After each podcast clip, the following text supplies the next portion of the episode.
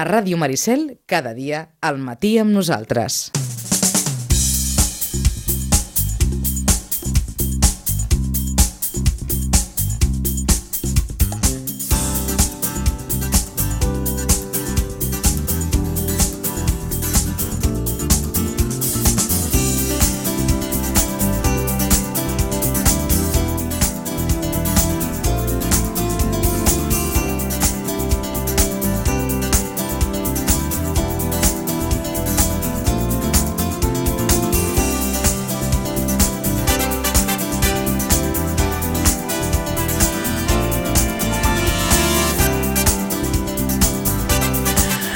Quarts i sis minuts eh, de 12 del matí. Una mica de prèvia esportiva, abans no arribem a les 12, abans no acabem el programa, ha passat Carnaval, per tant, eh, torna, com es diu en aquests casos, el gruix de les competicions esportives i vinga, sense més preàmbuls, comencem ja a desgranar aquesta jornada esportiva i comencem, com sempre, recordant quins són els partits que jugaran al llarg del cap de setmana els equips de la Blanca Subur. Eh, dia així d'entrada que la preferent de juvenils es disputa la jornada número 20 i que el juvenil A rep aquest diumenge el Nou Pinsbens a partir de dos quarts de cinc de la tarda al Nàstic B. Mm, el juvenil de la Blanca que voldrà eh, corroborar, sens dubte, el bon inici de la segona volta, si el comparem, eh, si fem la comparació amb el que va ser l'inici del campionat. De moment, tres victòries, un empat, allò que dèiem de la comparació, a les quatre primeres jornades van ser tres derrotes i un empat. El Nàstic B, hores d'ara, és eh, cinquè a la classificació, total té 3 punts més que, que la Blanca. En parlem amb l'Isidre Gómez. Isidre, bon dia, bona hora. Hola, molt bon dia. Torna al futbol després del Carnaval i, i no direm allò tan, tan clàssic de quan passa el Carnaval que, que esperem que la ressaca sigui menys ressaca i que els bons resultats continuïn. En què poble patim després dels Carnavals? ja ho saps tu. I tant, no, i tant, no, i tant. Bé, en qualsevol cas, eh, Isidre, eh, bon partit aquest diumenge contra el Nàstic B, eh? Sí, aviam si eh, almenys els podem guanyar i atrapar-los en punts, no els avançarem perquè allà ens en van fumar 4 i crec difícil que aquí els podem guanyar per 4, més de 4 gols, però bueno, eh, la il·lusió serà guanyar-los i acostar-nos una mica més cap, a, cap amunt. Això serà diumenge, com dèiem, al Nou Pinfens, a partir de dos quarts de cinc. Recordar també que el juvenil ve en reparent la competició, el juvenil de segona divisió, que jugarà diumenge a partir de les 5 amb el Marc Bartra, eh, que és el tercer per la cua. No ho farà on juga habitualment el Marc Bartra, sinó al camp de l'Espirall. Bueno, aviam, ja no ens hem de confiar dels que van per darrere perquè l'altre dia vam tenir el susto amb el Sant Cugat. Sí, senyor. Que, eh, que ja estava, com va dir el Dani, que si ens haguessin guanyat no hagués passat res. Uh -huh. O sigui que a, a, a treballar-ho i el camp de l'Espirall sempre també ha sigut un camp difícil. Ara estava recordant jo que va ser la primera vegada que em van expulsar en un camp de futbol. Caram! D'entrenador. Quins records, eh? Sí, sí. no massa bons, precisament. Bé, doncs hem començat, com sempre, per als dos juvenils. Pel que fa a la resta, Isidre... Doncs pues mira, el ens jugarà dissabte a la una i quart al Municipal d'Aiguadols contra el Sitges A, també. També dissabte el cadet B jugarà a les 5 de la tarda a Pinsbens contra la Fundació Atlètic Vilafranca. En categoria infantil, l'infantil A ens jugarà dissabte a la 1 i quart contra el Sant Mauro A al municipal de Santa Margarita i els Mo de Montbui. El diumenge l'infantil B jugarà a les 10 a Pinsbens contra l'Atlètic Cubelles. També diumenge a les 12 l'infantil C ens hi jugarà també contra l'Atlètic Cubelles B en aquest cas, també a Pinsbens. Ja en categoria Levin, dissabte a les 12 i quart la Levin A jugarà a Pinsbens contra l'Igualada D. A la Livini ens jugarà dissabte a les 10.30 eh, contra la Terlenca barcelonista allà al Prat. Eh, també dissabte al C ens jugarà a les 12 i quart al camp del Base Vilanova 2015 B en aquest cas. El D finalment ens jugarà dissabte a les 10.45 també contra el Base Vilanova 2015, en aquest cas a l'A, a Nou Pinsbens. I ja per acabar en categoria Benjamí, el Benjamí ens jugarà dissabte a les 10.45 a Pinsbens contra el Cubelles C. El Benjamí C també serà dissabte a les 9 i quart, en aquest cas, contra la Fundació Atlètic Vilafranca al municipal de Vilafranca. El C ens jugarà a les 9 i quart d'aquest dissabte contra el Mar Bartra 2020 al municipal de l'Espirall.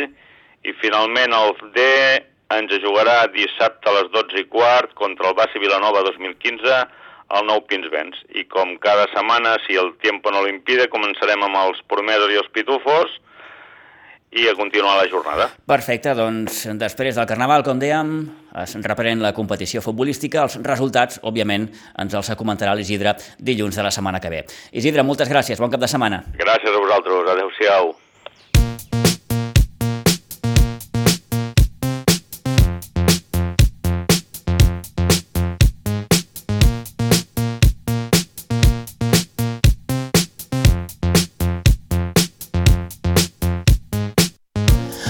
11 i 41 minuts del matí, seguim parlant de futbol perquè a la segona catalana es disputa la 19a jornada amb la Unió Esportiva Sitges després de les dues últimes derrotes. Visiten demà a partir de les 6 de la tarda al camp del Terlenca barcelonista. Mm, veurem partit d'entrada complicat, el conjunt del Prat ara mateix eh, és cinquè a la classificació, ha sumat 27 punts amb un balanç de 5 eh, victòries, un empat i dues derrotes, però mm, molt fresc encara a la memòria la derrota que va patir el Sitges aquí a la primera volta contra el conjunt del Prat. Va vèncer per un gol a 4.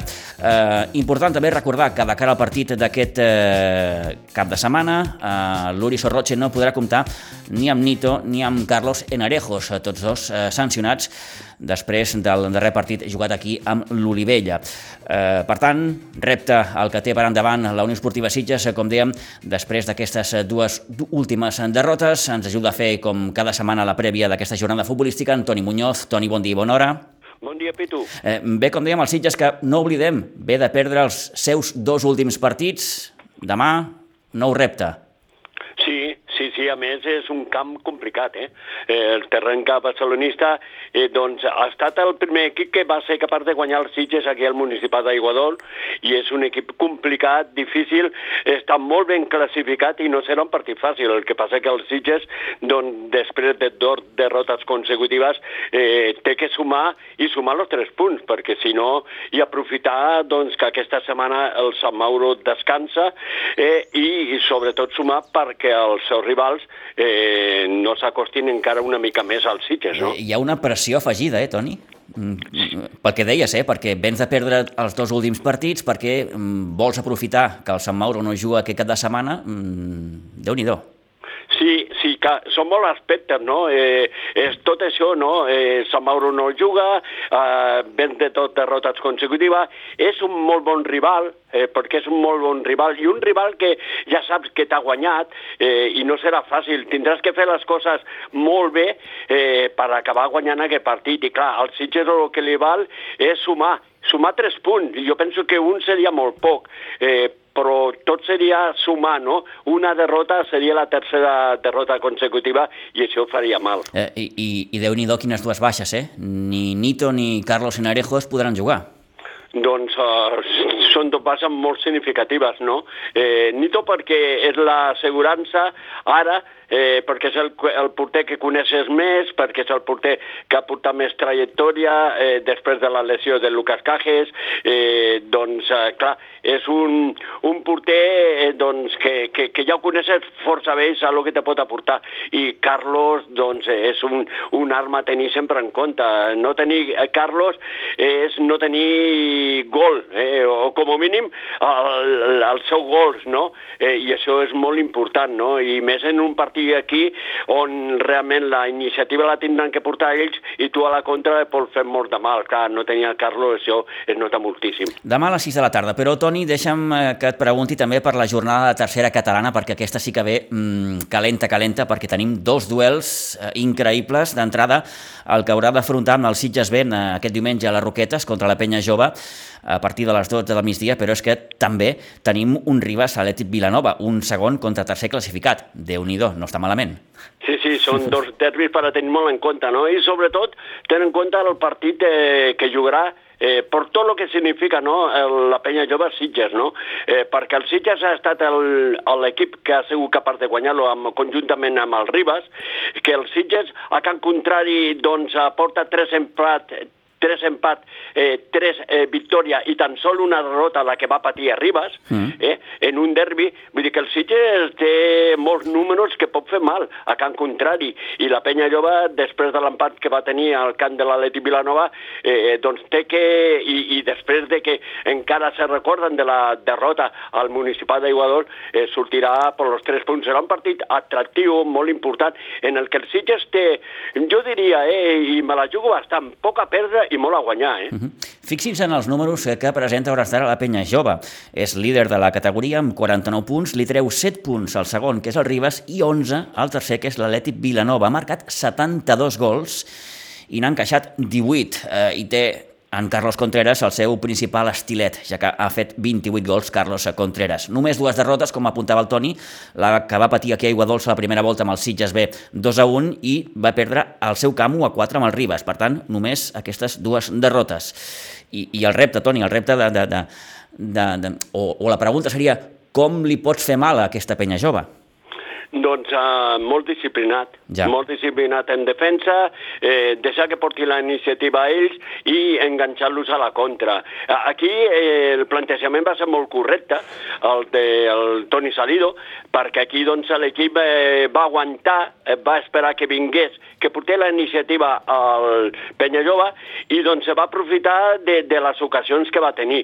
És el que té que fer al camp de la Penyallova. No serà fàcil perquè la Penyallova sortirà a per tot totes, té molt de gol, eh, estan en un gran moment i, i segur que serà un partit molt diferent, però si el Sitges juga disciplinadament, el Sitges té material eh, per a fer mal a qualsevol equip. Més enllà del que pugui passar aquest diumenge a la Roqueta Estoni, el que gairebé ningú dubta és que la penya jove, mm, vaja, mm, serà, hi hauria d'haver un delta baixa, però serà l'any que ve equip de segona catalana.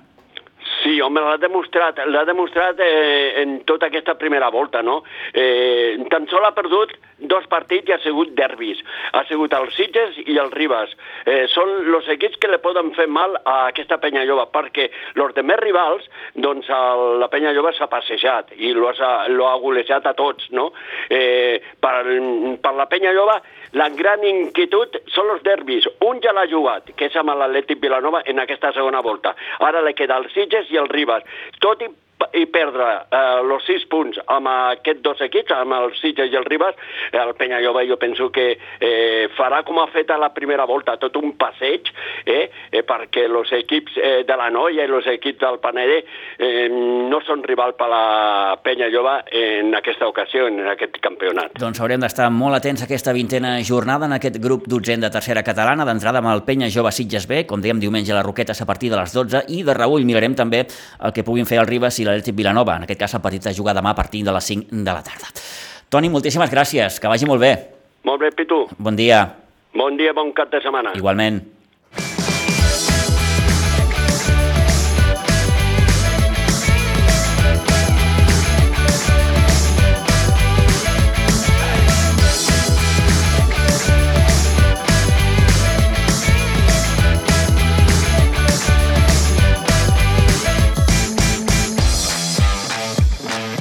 Ara mateix les 11 i 48 minuts del matí parlem de bàsquet eh, perquè eh, d'entrada hem de recordar que avui a partir de les 9 del vespre a Pinsbens el bàsquet de Sitges s'afronta el primer dels dos duels que, que, que té aquest cap de setmana amb equips de Reus. Eh, partit contra el veterans Salle Reus, partit, recordem, pendent de la jornada número 11. De moment, el balanç que presenta el conjunt de Reus és de 9 victòries i 7 derrotes.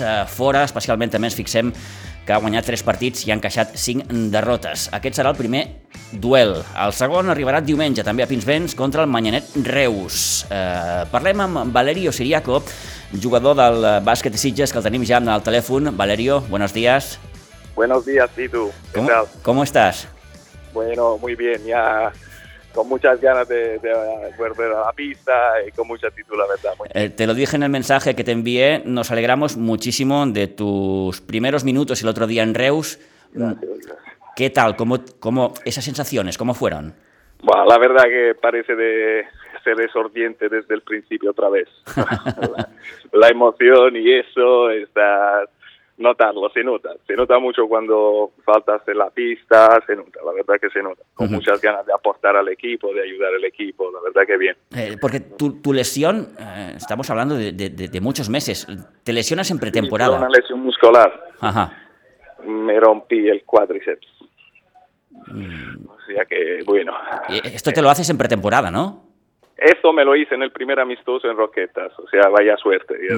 Fue el primer amistoso de la temporada y eso fue el principio, digamos. Ya. Pero bueno, En, en el momento que te lesionaste, pensaste, "Mm, esto no me gusta. mm, la verdad que sí, porque por suerte los años que llevaba jugando nunca me había pasado nada a la rodilla. O sea, fue una movida bastante rara que se pensaba que me hubiera hecho algo de serio en la rodilla, pero por suerte sí que fue serio, pero siendo una lesión muscular ni tuve que hacer operaciones ni nada de todo eso. Por suerte, en lo malo fue bien, digamos. Ya, dentro de lo grave, mm, fue, fue menos grave. Eh, estamos hablando de muchísimos meses. Mm, Claro, esto ocurrió, claro, que era el En mes de, septiembre. mes de septiembre. En septiembre, ya te digo. Ujú. He tenido que tardar, he tenido que tardar, sí. La verdad que sí, para que se cicatrice el músculo, porque eso, claro, no puedes intervenir en ninguna otra manera. Hasta, hasta el punto, Valerio, que, que, que Balta incluso tenía dudas, ¿no? De, de- de- de que pudieras Sí, claro. incluso Bueno, jugar esta temas, temporada. Sí, claro, porque desde el principio la verdad que había unos temas que eran más delicados, y bueno, el trabajo y todo esto, porque también hay que asociar que a la vida de todos esto hay que asociar el trabajo naturalmente. O sea que me han pillado este año en un proyecto que me estoy montando un local mío, que naturalmente estaréis todos invitados, ya os avisaré, pido ya para cuando sea la inauguración. Entonces me pilló con esto también, pero el compromiso se lo había dado desde el principio. O sea, yo tenía toda la gana y la actitud de, de poder. Mm, de poder regresar. Eh, Exactamente. sensaciones extrañas, ¿no? Hasta cierto punto, como nos comentabas, eh, Valerio, porque, bueno, claro, hay, un- hay, hay muchos meses eh, sin, sin poder pisar una pista, claro, eh, claro. los automatismos, en fin, todo se complica mucho más. Sí, claro, aparte que por un tema de cabeza, porque también estar tanto tiempo sin jugar hace en la cabeza, pero mayormente físicamente, porque era con este, con lo que me hice no podía hacer nada. Todos estos meses no podía ni andar en bici, no podía estresar el músculo, tenía que estar. Entonces ahí va, se encuentra perder tonicidad del músculo. Eh, eso era lo que más me preocupaba, la verdad, de estar tantos meses. Claro, ahí hay un, un- un cierto aspecto psicológico que, que, mm, que pesa mucho, ¿eh? Sí, claro, no, ahí si te dejas ir ya el cuerpo se acostumbra ya a no entrenar y eso, y esto es lo peor. Claro, claro. Eh, eh, porque existe un poco el miedo de, recaer, supongo, de que me vuelva a hacer daño. Eso siempre queda ahí, ¿no? Bueno, sí, claro, sí, claro.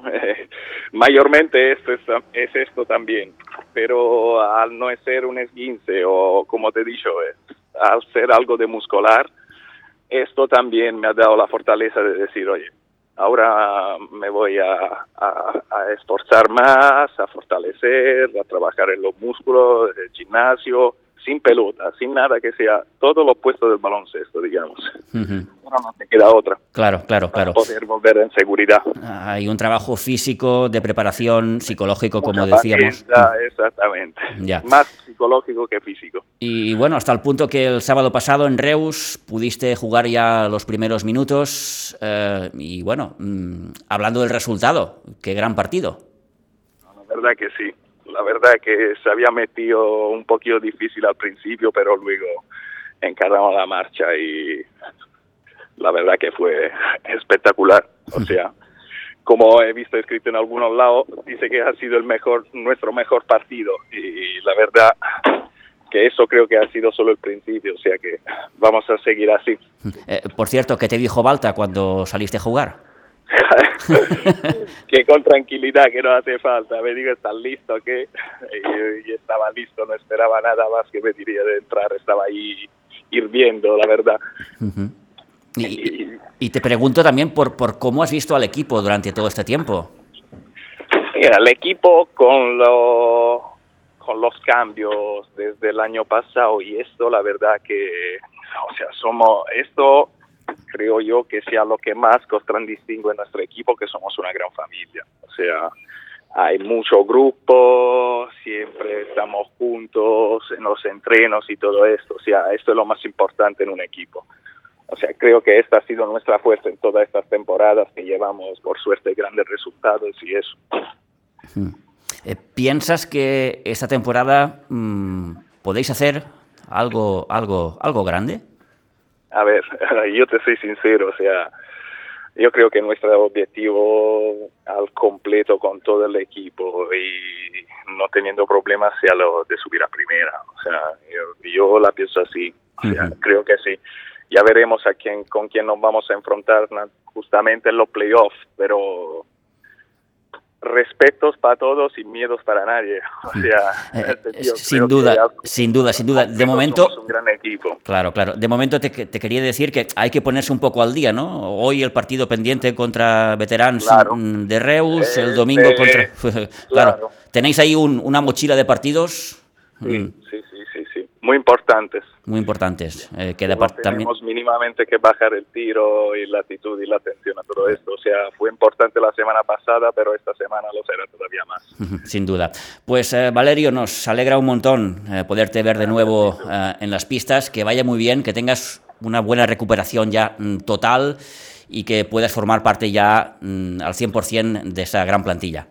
Muchas gracias, Fidu. Me alegro mucho de hablar con vosotros. Eh, ha sido un placer y nosotros lo daremos todo en la pista. Sin duda, gracias. Un abrazo. Venga, un abrazo.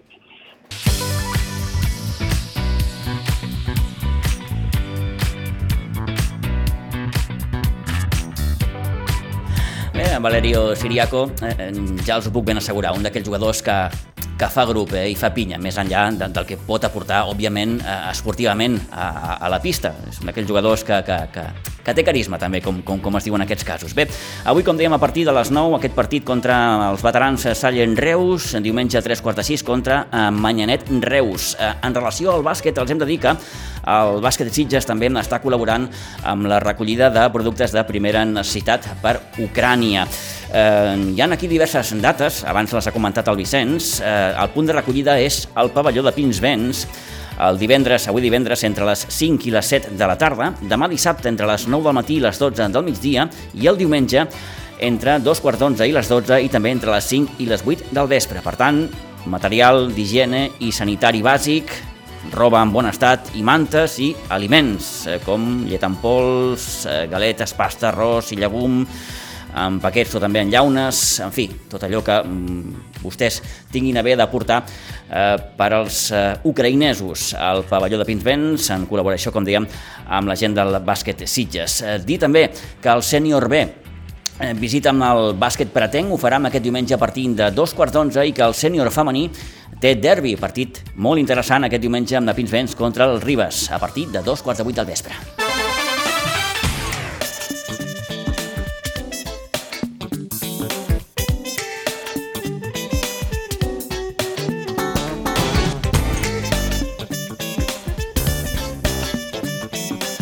Minuts finals, abans no arribem a les 12, també hem de parlar d'hoquei patins perquè es disputa aquest cap de setmana la segona jornada de la fase de permanència per al Club Patí Subursitges que demà, recordem, visita la pista de l'Espanyol en partit que jugarà a partir de les 8 del vespre, un Espanyol que a la primera jornada es va imposar per 2 a 9 a l'Andorra.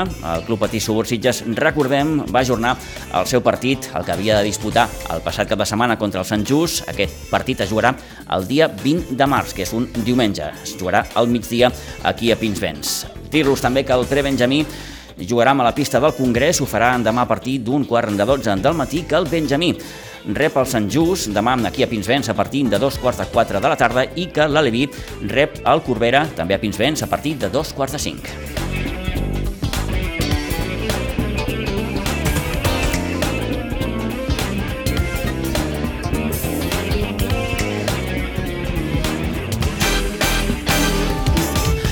I pel que fa amb el món del rugby, després de la victòria a València, amb el Rugby Club Sitges visita demà la Fuixarda per enfrontar-se amb el Gòtics a partir de les 4 de la tarda.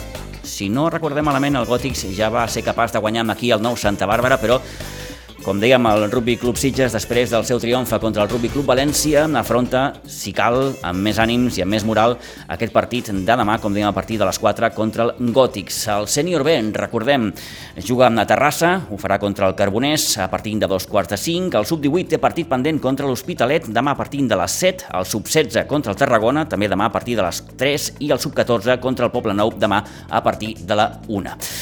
I amb els esports arribem i tanquem setmana, punt i final ja d'aquest matí amb nosaltres, dilluns. Tots els resultats en una nova edició del Matí amb nosaltres. Que passin un bon cap de setmana. Adéu-siau.